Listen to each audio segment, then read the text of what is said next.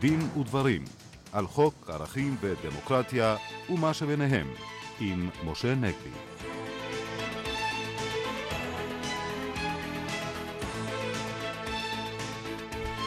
שלום לכם, מועדים לשמחה. עורכת התוכנית יורית ברקאי בהפקה דפנה אברהם. טכנאי השידור שלנו הוא דני רוקי, ליד המיקרופון משה נגבי וקובי ברקאי.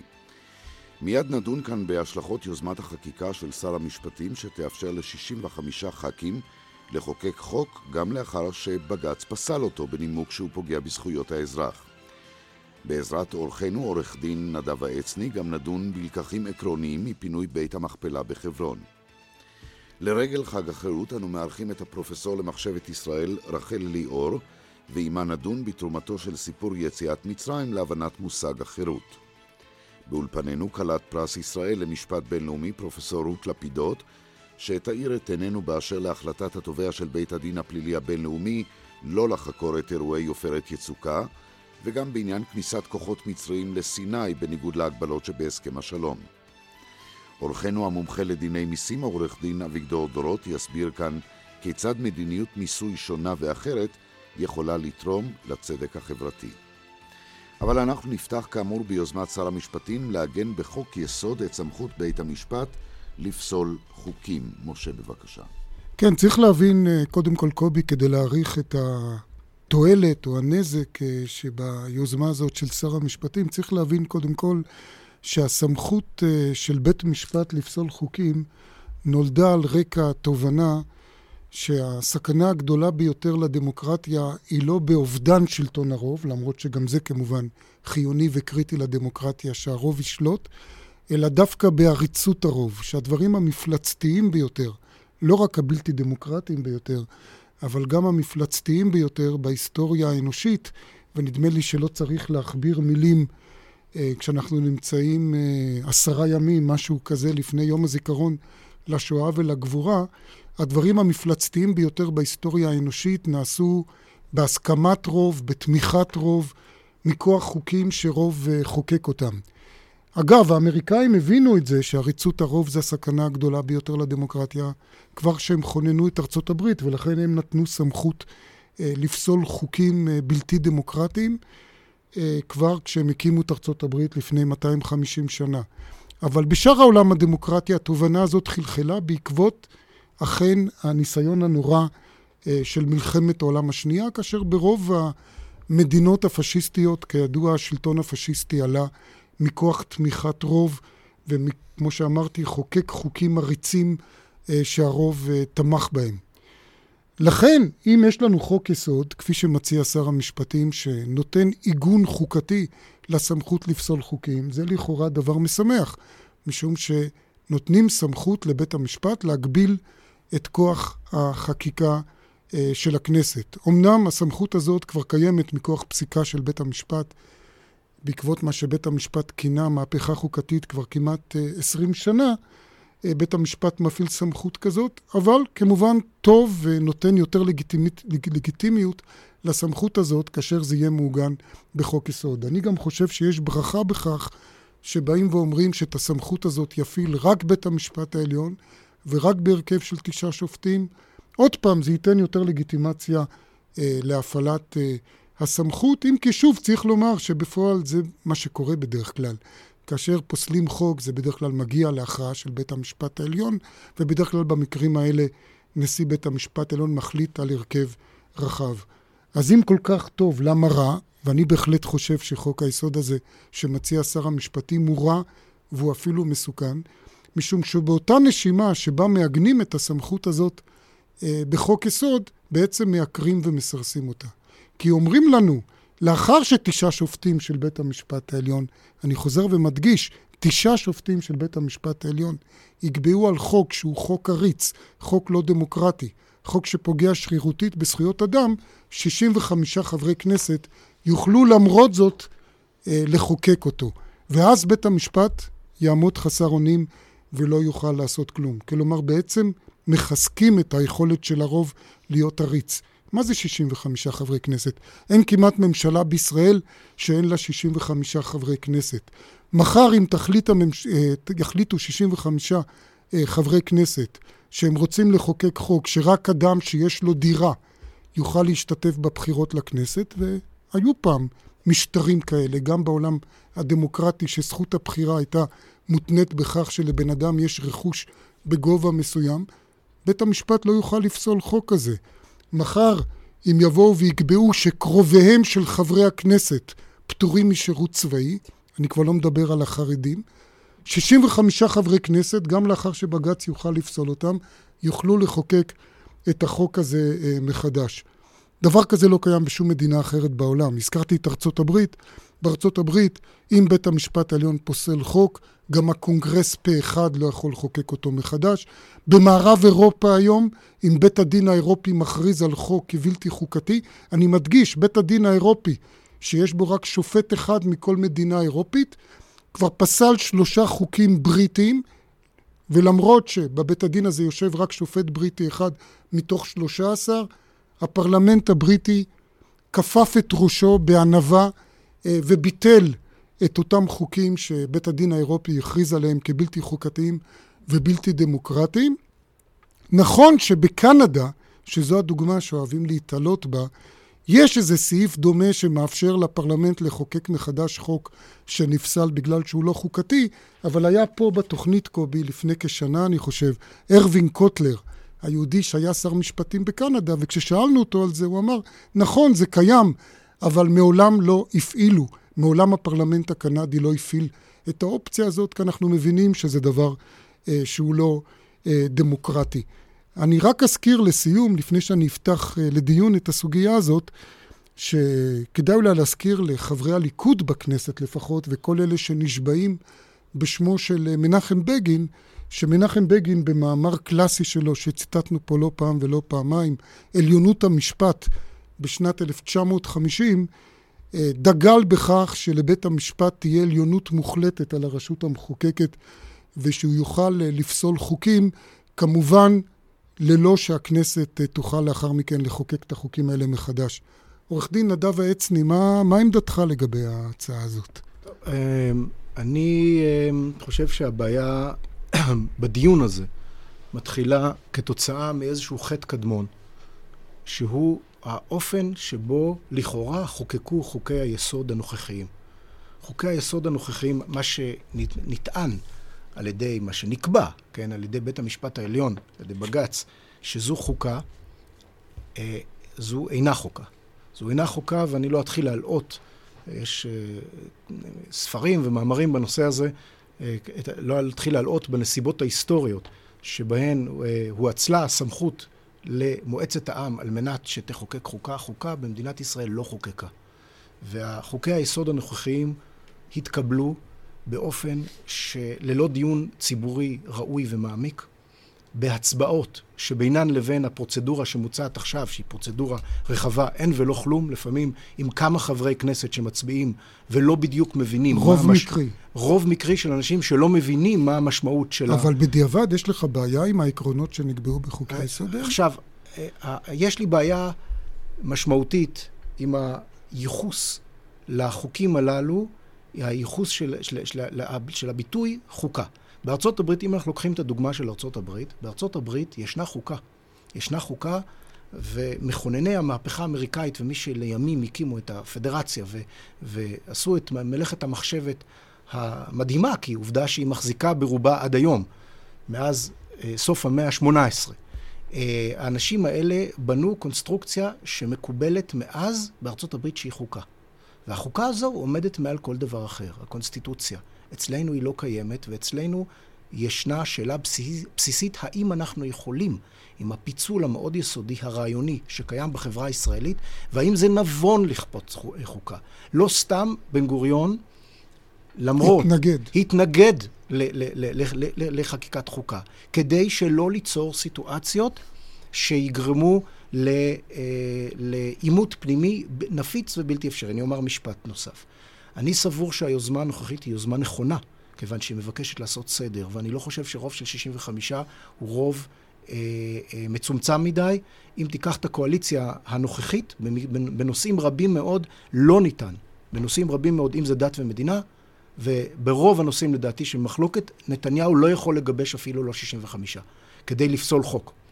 ולכן, ו, ואני חושב שצריך להיזהר מהמצב הנוכחי. אני חושב שהמצב הנוכחי, השורר ב-20 השנים האחרונות, שבהם יש חירות יתר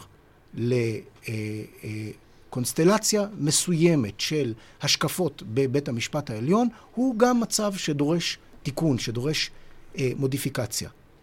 אה, כן, עורך דין אביגדור דורות. אני רק רוצה לציין שבית המשפט העליון, למרות שיש לו סמכות אה, לפסול חוקים, עושה שימוש בסמכות הזו במידה מעוטה מאוד, וכמעט... בעשר אה, שנים האחרונות נפסלו רק שלושה חוקים. נכון, ולכן המקרים הם מקרים קיצוניים, בוטים, ולכן החשש של... החשש מבית המשפט העליון, אני חושב שהוא חשש מדומה ולא מצדיק את ההצעה הנוכחית. פרופסור אה, אה, רחל אליאור, נדמה לי בזמנו לימדה אותי דווקא חברת הכנסת שולמית אלוני, חברת הכנסת דאז, כמובן גם השרה לשעבר, שביהדות הייתה גם התייחסות לעניין הזה שאומנם צריך לכבד את הרוב, כולנו מכירים את הפסוק אחרי רבים להטות, אבל לא כאשר הרוב מרע.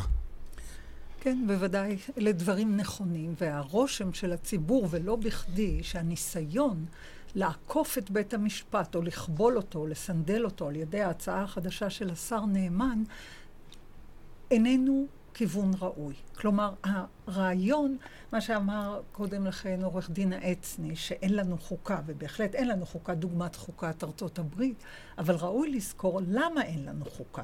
הלא המפלגות הדתיות סירבו להעניק שוויון לנשים, וחוקה מוכרחה להתחיל בזה שכל האזרחים שווים, הרי זה הדבר הראשון. אחר כך יש את הבעיה של הכיבוש, של השטחים, של האוכלוסייה הלא יהודית. יש לנו הרבה מאוד סוגיות שנויות במחלוקת, ובהחלט ייתכן שאנחנו לא בשלב שבשל לחוקה, אבל לנסות לסנדל את בית המשפט העליון על ידי חקיקה של חברי, על ידי חקיקה שתתיר לחברי הכנסת לבטל הכרעות של בית משפט, נשמע על פניו אבסורד מוחלט. אבל גם היום הכנסת יכולה לבטל הכרעות של בית המשפט. כן, אבל בית המשפט... הקונסטרוקציה היום אפשרית גם היום.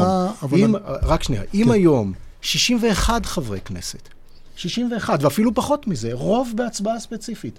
מקבל החלטה, יש את הסעיפים בחוק, בפסקת הגבלה, לגבי הרוב, אבל היום 61 חברי כנסת יכולים לבטל. הם, זה עוד לא קרה, זה עוד לא קרה כיוון שהנטל קיים, גם חברי הכנסת מפחדים מזה. כן, יש כאן לא איזשהו איזון. לטעמי האיזון היום, יש איזושהי בעיה באיזון. יכול להיות שהחוק הזה מוביל אותנו לאיזון טוב יותר. אני רוצה עוד אה, דבר... להפך, המצב היום חמור יותר. מנקודת המבט של מה שאת אומרת היום, יותר קל לבטל אה, פסיקה כזו של בית המשפט העליון, של בג"ץ, ולחוקק חוק אה, כנגדו. זה אפשרי היום. אבל נדב העצני, אה, אה, אתה יודע שלא פעם בית המשפט, כפי שצוין כאן, הגביל את עצמו מאוד מלפסול חוקים של הכנסת. פעמים רבות, לא רק שהוא לא פסל חוקים של הכנסת, הוא החזיר את הכדור אל המגרש של הכנסת ואמר, מה אתם רוצים ממני? זה עניין שלכם לפתור, והם לא עשו כלום. יש החלטות כאלה ויש החלטות אחרות. אז הם רוצים דרך קלה. כן. לא? אולי מותר להוסיף כן, משפט כן. אחרון בעניין הזה. העובדה שאין לנו חוק יסוד השוויון מעידה כאלף עדים עד כמה חשובים חוקי היסוד ועד כמה חסרים חוקי יסוד. גם אם אנחנו לא מצליחים להגיע לכלל חוקה שלמה, אבל חוק יסוד השוויון, שהוא החסר הגדול ביותר שיש לנו, הוא עדיין דבר שמן הראוי שהכנסת תעשה אותו ושבית המשפט יתקף אותו. אני אזכיר... זה, זה, זה, זה קיים. לא, בצורה לא, כל כך נרחבת. לא, לא, לא, לא, לא. אבל אין בג"ץ... אין שוויון. לא לנשים ולא לערבים. בג"ץ מפרש את... ובצדק. והסוגיה של השוויון היא סוגיה בסיסית. רק לאחרונה הייתי מעורב בסוגיה משמעותית של, של התדיינות בבג"ץ בנוגע לעתירה לפסול חוק אה, משמעותי. סוגיית השוויון עמדה בטבורה של השאלה שבמחלוקת. סוגיית השוויון היא סוגיה ברורה מאליה, מוסכמת, מוחלטת. אבל לא לגבי לא, נשים. לא, לא לגבי למה? נשים ולא לגבי למה? ערבים. עצם לא המצב של אה, נישואים דתיים. לא, נא לא לעשות עוד פעם סלט רעיוני. את שוב אומרת, שוב, מה שאת קוראת הכיבוש, אין לזה שום קשר. יש לזה אם אנחנו מדברים על יהודה ושומרון, אז ביהודה ושומרון, תכף נדבר על מי מופלה, תכף נדבר על מי שמופלה לרעה. שם. בוודאי שהאזרחים הערבים... אבל אין לזה קשר. אנחנו מדברים, לצערי, על החוק החל במקומות שבהם הדין הישראלי הוחל, שזה בקווי 67 פלוס ירושלים פלוס רמת הגולן. זאת הסוגיה, סוגיית יהודה ושומרון, סוגיה אחרת, עוד נגיע אליה מן הסתם. אז בואו נגיע, בוא נגיע אליה כבר עכשיו. אנחנו יחד איתך, עורך דין נדב העצני, נשמע קצת על הפולמוס סביב אה, פינוי הבית בחברון, בית המכפלה בחברון. תגיד לי קודם כל, לדעתך, עורך דין נדב העצני, הייתה אופציה חוקית אחרת? כי צריך להזכיר שהוראת היועץ המשפטי הייתה לפנות מיידית את הבית הזה. טוב, הנה אה, עוד אה, דוגמה לכך. בוא, בוא, אני רוצה להיות זהיר ומנומס. אם אכן, אני מטיל ספק אם זו הייתה הוראה של היועץ המשפטי לממשלה, אני יודע מי עוסק באיזה לשכה או לשכות הובילו את הספין התקשורתי תחת הכותרת שלטון החוק, ולכן אני רוצה להטיל ספק בכך שהייתה הנחיה של היועץ המשפטי לממשלה. ראיתי את ההודעה של דובר משרד המשפטים. הוא הוציא הודעה ואם אכן, ואם אכן היועץ המשפטי, אם כן. אכן היועץ המשפטי לממשלה לא תומרן או לא פורש לא נכון על ידי לשכת ברק ואולי על ידי האנשים של נתניהו, אז אני סבור שהנה יהיה לנו דוגמה נוספת לכך שהפרקליטות מובילה אה, אה, ומובילה מהלכים בלתי חוקיים. ושבינם לבין שלטון החוק אין ולא כלום. אני רוצה אולי... ואני אסביר. ואני אסביר. ואני אסביר. יש לי מוחות. ואני אסביר. אה, אם בואו ניקח את הפרשה הנוכחית ונשווה אותה, וניקח ונשרטט חוט בין ההנמקה לגבי הבית הספציפי הזה ולגבי פרשיות קודמות. הבית הספציפי הזה הוא בית בהנחה, אני לא מעורב ברכישה שלו ולא לא מעורב, ב, ב, אני לא יודע מה קורה בקרבי העניין. אבל אם ההנחה היא שהבית הזה נרכש כדין, היא נרכש באמת, הוא קניינם של הרוכשים, וזו ההנחה. כדין זה אומר גם לא, לא, לא, אישור מיד, של מיד, שר הביטחון. תכף, לא, לא. רגע. הכדין, כדין, אז בזנב של, של הכדין יש דבר שנקרא היתר עסקה ביהודה ושומרון, ואני תכף אדבר על זה. תכף אדבר על זה. אם הוא אכן נרכש שילמו עליו שילמו ורכשו את הזכויות בו. אז, הרי מה הייתה ההנמקה כאן? ההנמקה הייתה כאן, כאן של הפרת הסדר הציבורי. לגבי הסדר הציבורי, אה, ישנן הלכות לא לגבי זכות הקניין. כאשר יש ערכים מתנגשים שבין זכות ההפגנה, זכות המחאה, לבין הסדר הציבורי, בג"ץ קבע באופן שיטתי שאפילו כאשר אנשי כהנא הלכו לעשות פרובוקציה מכוונת באום אל-פחם, הערך של... אה, אה, שלא ניתן, בטענה של הפרת הסדר הציבורי, שהיה ברור למנוע שהוא יופר, לא ניתן. למצוא. אבל עוד פעם, זה היה בדמוקרטיה. הישראלית, זה לא היה בשטח. צבאי. לא, לא משנה, כאן אנחנו מדברים על, סליחה, הזכויות, סליחה. המשפט המנהלי לפלסטינים מותר להפגין אה, בחברון? כללי המשפט המנהלי הוחלו על יהודה ושומרון, ו- והוחלו חופש לגבי, ההפגנה? לגבי זכויות, הזכויות של, של, של ערביי יו"ש כבר לפני שנים ארוכות. אבל אם מה אנחנו, עם בית- אם מה אנחנו עם מבקשים... המשפט הבינלאומי רק שאוסר אני- על מדינה את ליישב תכף- בשטח תכף- הנמצא בשליטה צבאית תכף את תדברי על מה שאת מוצאת לנכון, לא, ותוכלי להגיד לא גם את הדבר הבלתי. רלוונטי הזה. תני לי רק לומר את הדברים בצורה מסודרת. עכשיו, את. אז יש, אז אחד, אז ההנמקה הזאת היא הנמקה זדונית ובלתי רלוונטית, ולא יכולה לעמוד בכל מבחן, כיוון שאנחנו מדברים על פגיעה בחופש, בזכות הקניין האלמנטרית, על, ו- ולא היה, לא הייתה שום בעיה של הסדר הציבורי. אני, אני טיפלתי בעבר בפרש מה שקורה בית, בית השלום, או הבית החום, או בית המריבה. בנושא הזה טיפלתי גם בוועדות הערר, גם בבג"ץ. הטענה שם, אנחנו ביקשנו היתר עסקה. ביקשנו היתר עסקה לכל דבר ועניין. והטענה, ואז שר הביטחון הודיע, נתן הוראה לראש המנהל האזרחי, אל תיתן היתר עסקה. למה? כדירקטיבה מדינית. ההנמקה הייתה דירקטיבה מדינית. ואז כאשר אה, אמרו לנו, אין לכם היתר עסקה, הוציאו נגדנו דבר שנקרא אה, צו בדבר שימוש מפריע. למה? כי אין לכם היתר עסקה. עכשיו, בפרשיות אחרות, שבהן זכות הקניין, למשל, בנושא, יש בית עזרא בחברון, שבו מדובר על רכוש של יהודים, גרו שם עד 1947, והממונה, האפוטרופוס, מסרב למסור להם את הבית, ליהודים. איפה זכות הקניין שלהם? רק לאחרונה למדנו, בהקשר של מגרון, שאני, ששם יש שאלה מאוד כבדת משקל לגבי האם אכן באמת זה קניין פרטי, ובוודאי זה לא של העותרים, זה כבר הוכרע בבית משפט השלום אה, בצורה ברורה, ולא אכנס לפרטים. אה, זכות הקניין הייתה הנושא המרכזי שבעטיו קבעו שהם צריכים לפנות את השטח של מגרון. עכשיו, מה, מה קורה? צריך להבין את התוצאה המצטברת. התוצאה המצטברת היא שיהודים תושבי יו"ש הם אזרחים סוג ב', הם אזרחים משוללי זכויות, הם אנשים ש... שזכות הקניין אין להם זכות קניין ואין להם את המכלול הזכויות שנטען שיש להם. וכשהם מנסים ללכת בכל נתיב שבו הם מנסים ללכת, חוקי, על פי שלטון החוק, על פי העקרונות, הם נתקלים במחסום. עכשיו, לו אני רוצה לשאול אותך, אני אומר עוד שני, לא, אני חייב לשאול אותך שאלה, תראה, אני, אני רוצה להגיד שני דברים. רגע, רגע, כל... אם אני יכול משפט, כן, ותשאל אותי כן, כמה אוקיי. שאלות שאתה רוצה. אוקיי. עכשיו, לו יצויר שהממשלה שהייתה שולטת היום, הייתה ממשלה שבראשה אה, אה, זהבה גלאון. אז הממשלה הזאת הייתה יכולה לקבל החלטות כאלה ואחרות, הייתה לו אופוזיציה, ואפשר היה לבוא להסביר את זה, אבל בראשות הממשלה היום, יושב אדם שסעיף 2 לחוקה של המפלגה שלו, חוקת הליכוד, אומר שצריך ליישב את כל חלקי יהודה ושומרון. הוא קיבל ב-96 החלטת ממשלה ספציפית בנוגע ליישוב חברון. ב-1980 הייתה החלטה של ממשלת בגין בנוגע ליישוב חברון. הוא אומר, והוא אומר שהוא מקנה זכויות, ובפועל הוא עושה שימוש מניפולטיבי במערכת המשפטית וב... בהבל ובזדון, בטענה של שלטון החוק, כדי לשלול את הזכויות מיהודי יו"ש. כן, עכשיו אני רוצה לומר שני דברים. קודם כל, אני רוצה להתייחס למה שאמר קובי בהתחלה, והוא מאוד קריטי פה.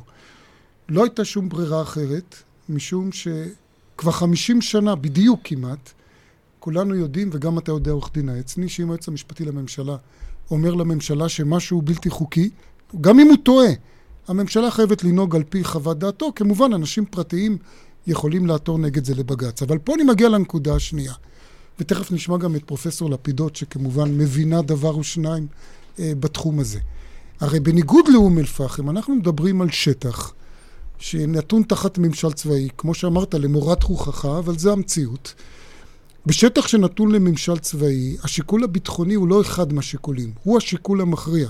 אתה יודע את זה, הרי הם הפקיעו אין ספור קרקעות פלסטיניות פרטיות לצורכי התיישבות בנימוק שהיה שנוי במחלוקת, שבאותו זמן אמרו קצינים ושרי ביטחון שהדבר הזה נחוץ למטרות ביטחון, וקיבלו את זה, מה שאולי לא היו מקבלים אה, בתוך אה, אה, אה, מדינת ישראל. עכשיו אני אומר, אבל נניח שאתה אומר, פה זה... בג"ץ את הטיעון הזה פסל בבג"ץ רוג'ייב כבר לפני הרבה כן, מאוד לא, שנים, אבל נדב... שזה לצורכי התיישבות. לא, אז בדיוק פה... שביטחון כן. זה ביטחון, לא, ולא... נכון, ו... אבל פה, וכאן... בדיוק, פה בדיוק מגיע לנקודה. אתה אומר בעצם, שר הביטחון משתמש לשווא בשם הביטחון והסדר הציבורי. אם זה... ובשם שלטון החוק. יפה. אם זה מה שחשבו תושבי אה, חברון, למה הם לא עתרו לבג"ץ נגד ההחלטה שלו? ובג"ץ היה פוסל אותה, הם עשו דין לעצמם, הם החליטו על דעת עצמם שהם פוסלים את שיקול הדעת של שר הביטחון ופולשים לבית. אתה חושב ששלטון החוק יכול לסבול דבר הם לא, כזה? הם, סליחה, קודם כל הם לא פלשו. בהנחה שהם קנו, הם לא פלשו. לא. אדם לא יכול לא לפלוש לרכוש שהוא שלו. לא, אחד, הם לא פלשו. שנית, אם אתה מגיע למצב, וזאת הבעיה המרכזית, וצריך להבין אותה, אם אתה מגיע למצב שבו האזרח חש שאין לו כל פתח שאין לו כל תקווה, שאין בו שום הם נתיב. לא ניסו. לא, הם ניסו בפרשיות קודמות והם קיבלו, הם, הם, פרשת מה שנקרא בית השלום, או בית המריבה אה, בחברון, היא פרשה מאלפת. אני כותב עכשיו דיסרטציה לוועדת השופט לוי, שעוסקת בנושא הזה של המקרקעין, אדמונד כן. לוי, שעוסקת בנושא המקרקעין, שתוגש אה, אה, מספר ימים לאחר, לאחר אה, אה, הפסח. הבעיה המרכזית היא שלאנשים האלה אין שום נתיב חוקי שבו הם יכולים לפעול. בכל נתיב שהם הולכים הם נתקלים בקיר. כתוצאה מכך הם מגיעים למסקנה, עלולים אנשים להגיע למסקנה, אז לכן הם לא הולכים לבג"ץ, הם הולכ... עלולים להגיע לייאוש. נדב, אתה יודע, אה, עורך דין נדב העצני, אני הקשבתי לך קשב רב, אני לא הפרעתי לך במילה אחת ושמרתי על זכות הדיבור שלך, אבל היו פה שני דברים שאתה אמרת שאני לא הבנתי בדיוק על מי אתה מדבר.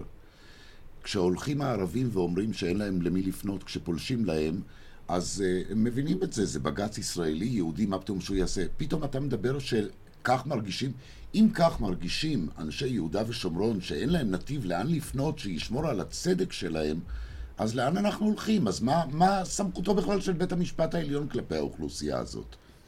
והדבר האחר שאני רוצה לשאול אותך... אתה צודק, אבל... ובזה אתה מצדיק בעצם מרד. מה שאתה אומר הוא הפוך. אני לא מצ... חלילה וחס, אני רק מצביע על תופעה שהיא חמורה. אני רוצה לגעת בעוד נקודה אחת, שאיתה התחלת את דבריך. בלי להרהר עכשיו, בלי לשים סימני שאלה על שום דבר, שטענת שדרך לשכות מסוימות והחוק בצורה כזאת ומניפולטיבית וכולי וכולי. כבר ראינו מקרים בעבר שהחלטה שלא סבירה של היועץ המשפטי לממשלה באה לבג"ץ. נכון. בג"ץ אומר, אם ההחלטה באמת לא סבירה, היא נפסלת. או של שר הביטחון. למה, למה שלא יבחנו את ההחלטה הזאת? הפרקטיקה, אני, אני לא... שמע, אני עכשיו, יש כאן שני היבטים זה לא נראה לדברים שאני אומר. בעיניך מאשר אני, להטיל אה, אה, אה, האשמות אה, לכל לא, מיני כיוונים? אני, אני לא טוען שלא צריך ללכת לבג"ץ. אני עצמי אפילו מתפרנס מזה. אבל... לא, אני, לפני שאתה עושה דין לעצמך. אני, בוודאי, אבל אני, אני רק אומר שהמקרה הזה אינו מעשה של עשיית דין עצמי. המעשה הזה הוא מעשה שבו אנשים נכנסו לבית שהם קנו בכסף מלא, והם ביצעו את הפרוצדורה. בלי שהיה אישור. בואו, תביאו. תבינו, בוא, בוא, אם... אנחנו צריכים לסיים, כי כל החדשות מחכה, אני רק רוצה להוסיף על דבריך. כל מה שאני אמרתי, אמרתי מתוך התייחסות לדברים שאתה אומר, כברורים ומדויקים. אני לא אמרתי שמישהו עשה שם דין לעצמו. להפך, לא, אבל... דווקא אם הם לא עשו דין לעצמם, הדרך פתוחה בפני אם אתה לא מאפשר לאדם לקבל, אם אתה, יש למשל היתר עסקה, אני אומר את זה במשפט. כן. אם אתה, ערבים, תושבי יו"ש, לא מרבית העסקאות לעשות ללא היתר עסקה, למרות שהם נדרשים. אני ביקשתי במהלך דיונים בוועדת ערר, בגילוי מסמכים, לקבל את הנתונים, כמה ערבים פנו לקבל היתר עסקה בתושבי יו"ש, כמה קיבלו, כמה סורבו. לא נתנו לי את הנתונים האלה, סירבו לתת לי, כי אני יודע, הרוב המכריע לא מבקש בכלל, לא מבטלים להם את העסקאות, אין אחד שביטלו לו עסקה בצורה שכזו, ומי שמבקש מקבל. אנחנו חייבים לעשות הפסקה, כי אנחנו מאחרים כבר, ליאורה גושן כבר הגיעה אל אולפן החדשות לעדכון. 7.32, ערב טוב ליאורה. אנחנו כאן בדין ודברים אה, שווים אה, באולפן אל הדיון שהתלהט כאן, הציג את דבריו עורך דין אה, נדב העצני, ועכשיו זכות התגובה לך, פרופסור רחל אליאור ופרופסור רות לפידות. תודה רבה. אני אומר שני משפטים קצרים. המשפט הבינלאומי אוסר על מדינה ליישב את תושביה בשטח הנמצא בשליטה צבאית. לכן כל ההתיישבות בשטחים, בין אם קוראים להם יו"ש ובין אם קוראים להם הגדה המערבית, היא כולה אסורה על פי המשפט הבינלאומי. עוולות שנגרמות לתושבי השטחים הם אינם בחלל ריק, הם תוצאה ישירה של העובדה שעל פי המשפט הבינלאומי הם עושים דבר שאסור לעשות אותו בתכלית, בתכלית האיסור. ישראל מתירה מרות, ישראל מטילה מרות מחוץ לשטחה על בני אדם שאין להם כל שליטה על גורלם ונשללות מהם זכויות היסוד. אנחנו הפכנו למדינה של עוול, שמאפשרת דברים שלא יעלו על הדעת.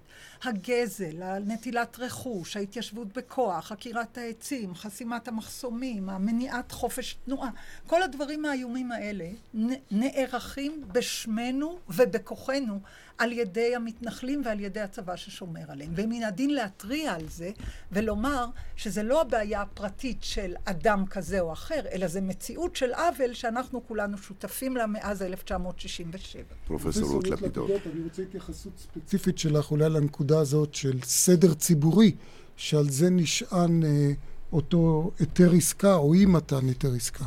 אה, לא, אין, אין קשר בין הדברים. אפילו לא על פי הטענות שלהם. לפי המשפט הבינלאומי, אנחנו חייבים לשמור על הסדר ועל הביטחון בשטחים שנמצאים תחת שליטתנו. ולכן, כאשר יש הפרה חמורה של המשפט הישראלי, זה עניין של המשפט הישראלי, והשאלה אם יש פה פגיעה בסדר ובביטחון, זו שאלה של המשפט הבינלאומי. באשר לשאלה שרחל עוררה, דהיינו, האם ההתיישבות היהודית בשטחים היא חוקית או לא חוקית, זה כל הנושא המסובך מאוד של ההתנחלויות, ואני לא חושבת שהיום זה על סדר היום שלנו, אחרת נשב פה עד חצות. אנחנו לא היינו מתנגדים. רק אה, לגבי הדברים כן, האלה, כן. אני לא... לא מתיימר להתחיל את כל הדיון הזה, אבל לא נכון שהמשפט הבינלאומי קובע, כפי שפרופסור אליאור אומרת. אני ציטטתי את פרופסור קרמניצר מילה במילה, והוא סמכות דגולה. אני פעם ראשונה שומע שאת אומרת הפרופסור קרמניצר. גם הוא, אגב, לא מומחה למשפט בינלאומי, אלא הוא מומחה למשפט פלילי. וגם כאן יש לו השקפות כאלה ואחרות. המשפט הבינלאומי, אנחנו, אה, אה, שטחי יהודה ושומרון לא נכבשו מאף מדינה. ולכ... טוב, באמת יש, לא נפתח את זה. ולכן אני לא אפתח את זה, לא, אבל כל, הדברים שאמרת אינם נכונים גם לגבי העוולות, ואינם נכונים לגבי פסיקת המשפט הבינלאומי. טוב, אז אנחנו נלך עכשיו אחורנית. אני חושב, נדב העצני, שזו נקודה נכונה ללכת ליציאת מצרים, לתחילתנו כאן, במקום הזה. אה, אה, שכחתי שיש לנו חוב גדול למפרסם, אז קודם לפרסומות ואחר כך נמשיך.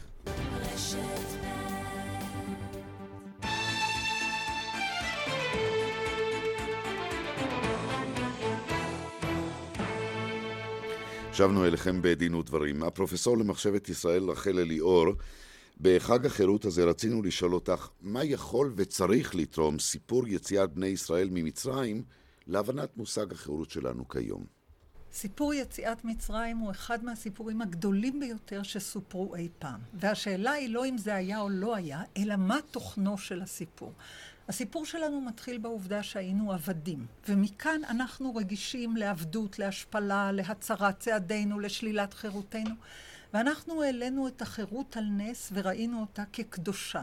אלוהים כל פעם שהוא מציג את עצמו בתנ"ך אומר, אני אדוני אלוהיכם אשר הוצאתיכם מארץ מצרים מבית עבדים. שום דבר אחר אלוהים לא מייחס לעצמו, מלבד העובדה שהחירות היא קדושה ואלוהית, ואילו העבדות היא שפלות ועריצות ועוול וכל הדברים האלה. צריך להוקיר את העובדה שבשעה שכל העולם העתיק, בכל העולם העתיק, העבדות הייתה נפוצה מאוד, רווחת, מקובלת ומאושרת על ידי החוק, בעולם היהודי עבדות הייתה נחשבת ברירת מחדל איומה, שצריך למחות נגדה ושאסור להסכין איתה. אנחנו יצאנו מבית עבדים, והחזון שלנו מסוכם בשלוש מילים שנמצאות במילה, במגילות מדבר יהודה בקומראן, דע, רוחות דעת, אמת וצדק בקודש קודשים. כלומר, מבחינתנו הדעת, האמת והצדק הם המשמעות של החירות. אנחנו רצינו להיות בני חורין כדי שנוכל לדעת, ללמוד, לעשות, לשפוט, לחוקק כצדק. אנחנו מאמינים בצדק, כלומר ביחס שוויוני לבני אדם ככל שרק ניתן. דעת, אמת וצדק, ואנחנו מאמינים באמירת האמת המדויקת של הדברים, אנחנו לא מסתירים ולא מחפים, אנחנו מאמינים שיש חוק שראוי לציית לו, מעצם היותו חוק אלוהי. אנחנו מפרשים אותו כדי להתאים אותו למציאות האנושית המשתנה, אבל אנחנו יודעים שאושיות החוק והסדר והצדק מבוססים על דעת, אמת וצדק, שהם משמעותה של החירות שהיא שלילת העבדות. עכשיו, נדמה לי אבל שגם אחד המסרים, וזה בצבץ מדברייך, פרופסור אליאור, זה שעם שכל כך החירות חשובה לו, אה, צריך גם לכבד את חירותם של אה, אחרים, והרי כל הזמן חוזר הפסוק הזה, כי גרים הייתם בארץ מצרים, כמשהו מטיל עלינו חובה אה, לכבד את חירותם ואת זכויותיהם של זרים. אה, אולי כמה מילים על העניין הזה. לגמרי. הציטוט מדויק מאוד ונכון מאוד. הפסוק, ואהבת את הגר, הוא מן הפסוקים הרווחים ביותר במקרא. כלומר, זכויות הגר וחובת האהבה והצדק והיחס והגר במובן של השונה, הזר. הגר במובן של גר תושב, לא גר קונברט, כן. אלא גר מי שמתגורר איתך ואיננו שייך לקבוצה שלך. לאורך אלפי שנים אנחנו היינו הגרים תושבים, כשהיינו גולים, ואנחנו סבלנו מכל, מכל האופציות, מכל הגילויים הנוראים של שוליות ושל שיעבוד ושל רדיפה על לא עוול בכפינו. כל השנים שהיינו גולים, אנחנו נרדפנו על דברים שלא עשינו, לא על דברים שעשינו. והנה אחרי אלפי שנים זכינו לחזור למדינת ישראל, זכינו לחזור לארץ ישראל ולראות בהקמת מדינת ישראל. ומצאנו את עצמנו באופן טרגי, במצב של מציאות שאין דומה לה, מציאות טרגית משום שאומנם חזרנו כעם ללא ארץ, אבל לא חזרנו לארץ ללא עם. מצאנו את עצמנו אחראים לגורלם של הרבה מאוד גרים תושבים, ולא הצלחנו במעשינו. מכל מיני סיבות, חלקם באשמתנו, חלקם באשמת אה, אויבינו, חלקם באשמת היושבים בארץ, חלקם באשמת אלה שמחוצה לה. הדברים לא עלו יפה. כתוצאה מהרבה מלחמות והרבה פרעות וכיבושים וכן הלאה, המציאות היא כזו היום שאנחנו איננו נוהגים בצדק, בשוויון, בחירות, בגרים ובתושבים אשר עמנו, אלא אנחנו משעבדים ויוצרים מציאות של עוול שיש למחות ולהתריע עליה מעצם העובדה שיש בקרבנו אנשים שאין להם את הזכות לנוע לאן שירצו, לבחור בעבודה שירצו, אין להם את הזכות לרכוש מה שירצו, למנוע רכישה, או כל סוג אחר של התנהלות אנושית. וניצול העובדים הזרים כמובן, אנחנו. מנצלים את העובדים הזרים, ואנחנו מנצלים את הערבים הפלסטינאים, ואנחנו חוטאים בכל מיני חטאים של שיעבוד ואי צדק ואי אמת ושליטה, ואנחנו מתנכרים לזה. החטא הגדול הוא שאנחנו מתנכרים ומסתירים את זה במקום להתעמת ולומר כמה קשה המצב שהוא באמת קואליציה של כאב ואופוזיציה של חלומות. כולם כואבים כאן.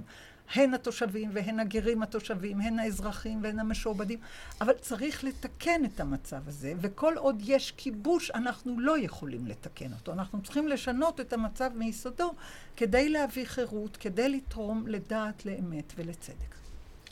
תודה רבה, פרופסור רחל אליאור. עכשיו לנושא אחר. התובע בבית הדין הפלילי הבינלאומי דחה את דרישת הפלסטינים לחקור את מבצע עופרת יצוקה. פרופסור רות לפידות, כלת פרס ישראל למשפט בינלאומי, זה מפתיע או לא נשמע מפתיע? תראה, הוא, ישב על ההחלטה הזאת שלוש שנים, ובסופו של דבר הוא קיבל החלטה מאוד נבונה, הייתי אומרת. כדי להבין את הנושא, אם אתה תיתן לי חמש דקות, אז אולי אני אתן את, ה, את הבעיה הבסיסית. מהי הסמכות של בית הדין? בית הדין הזה, כאמור, בית דין פלילי, שמוסמך לדון אנשים אישיים, זאת אומרת בני אדם ולא מדינות, והסמכות היא משלושה סוגים. קודם כל, מועצת הביטחון, כשהיא פועלת לפי פרק 7 למגילה, מוסמכת להעביר נושא לטיפול של בית הדין הזה. ואז אין תנאים. שנית, מדינה שהיא קיבלה על עצמה את סמכות השיפוט של בית הדין, יכולה גם היא להעלות בפני בית הדין אה, דיון במקרה של חשש לביצוע עבירות, אבל כאן יש תנאים. תכף נדון בתנאים האלה. ושלישית, התובע בעצמו יכול גם מיוזמתו להתחיל דיון, גם זאת בכפוף לתנאי. מהו התנאי? או שהמדינה שבה נעשה המעשה היא צד לחוקה, או שקיבלה את סמכות בית הדין. אפשרות שנייה, האדם החשוד הוא אזרח של מדינה שהיא קיבלה את סמכות בית הדין. זה הרקע לסמכות הזאת. כפי שאתם רואים, יש פה נושא חשוב של מדינה. כל הזמן מדובר על מדינות. והרשות הפלסטינית היא לא מדינה, זה אז מה ש... חכה, אנחנו תכף מגיעים לזה. עכשיו השאלה היא, האם הרשות הפלסטינית יכולה לפנות לבית הדין ולהגיד, אני מקבלת על עצמי את הסמכות של בית הדין. שם לא היה מדובר על עופרת יצוקה, שם היום מדובר על כל מה שקורה בפלסטינה החל משנת 2002 או משהו כזה, מהתאריך שבו... כלומר, גם חומת נכנסה. מגן בעצם. הכל, אבל שום דבר לא. זאת אומרת, הם לא נתנו שום פירוט. ואז השאלה התעוררה, האם ההצטרפות הזו, שהם לא הצטרפו באופן מלא לחוקה, או לא התיימרו להצטרף, אלא רק קיבלו על עצמם את הסמכות לעניין הנושא הזה. משהו קצת יותר מוגבל לפי סעיף 12.3, לא חשוב הפרטים. והתובע הכללי הזה שמע המון המון דעות מפלסטינים וידידים של הפלסטינים וישראלים וידידים של הישראלים. יש תמצית מאוד מעניינת של כל הטענות של כל הצדדים, ובסופו של דבר הוא קיבל החלטה מעניינת. מה הוא אמר? הוא אמר כך: מי שמצטרף לחוקה הזאת צריך להניח את כתב ההצטרפות במזכירות של האו"ם. האו"ם, לא של בית הדין הפלילי. ולכן המזכיר הכללי של האו"ם הוא שצריך להחליט האם מי שהגיש את כתב ההצטרפות הוא באמת מדינה או לא. ואם יש לו ספקות, הוא מבקש הנחיות מעצרת האו"ם.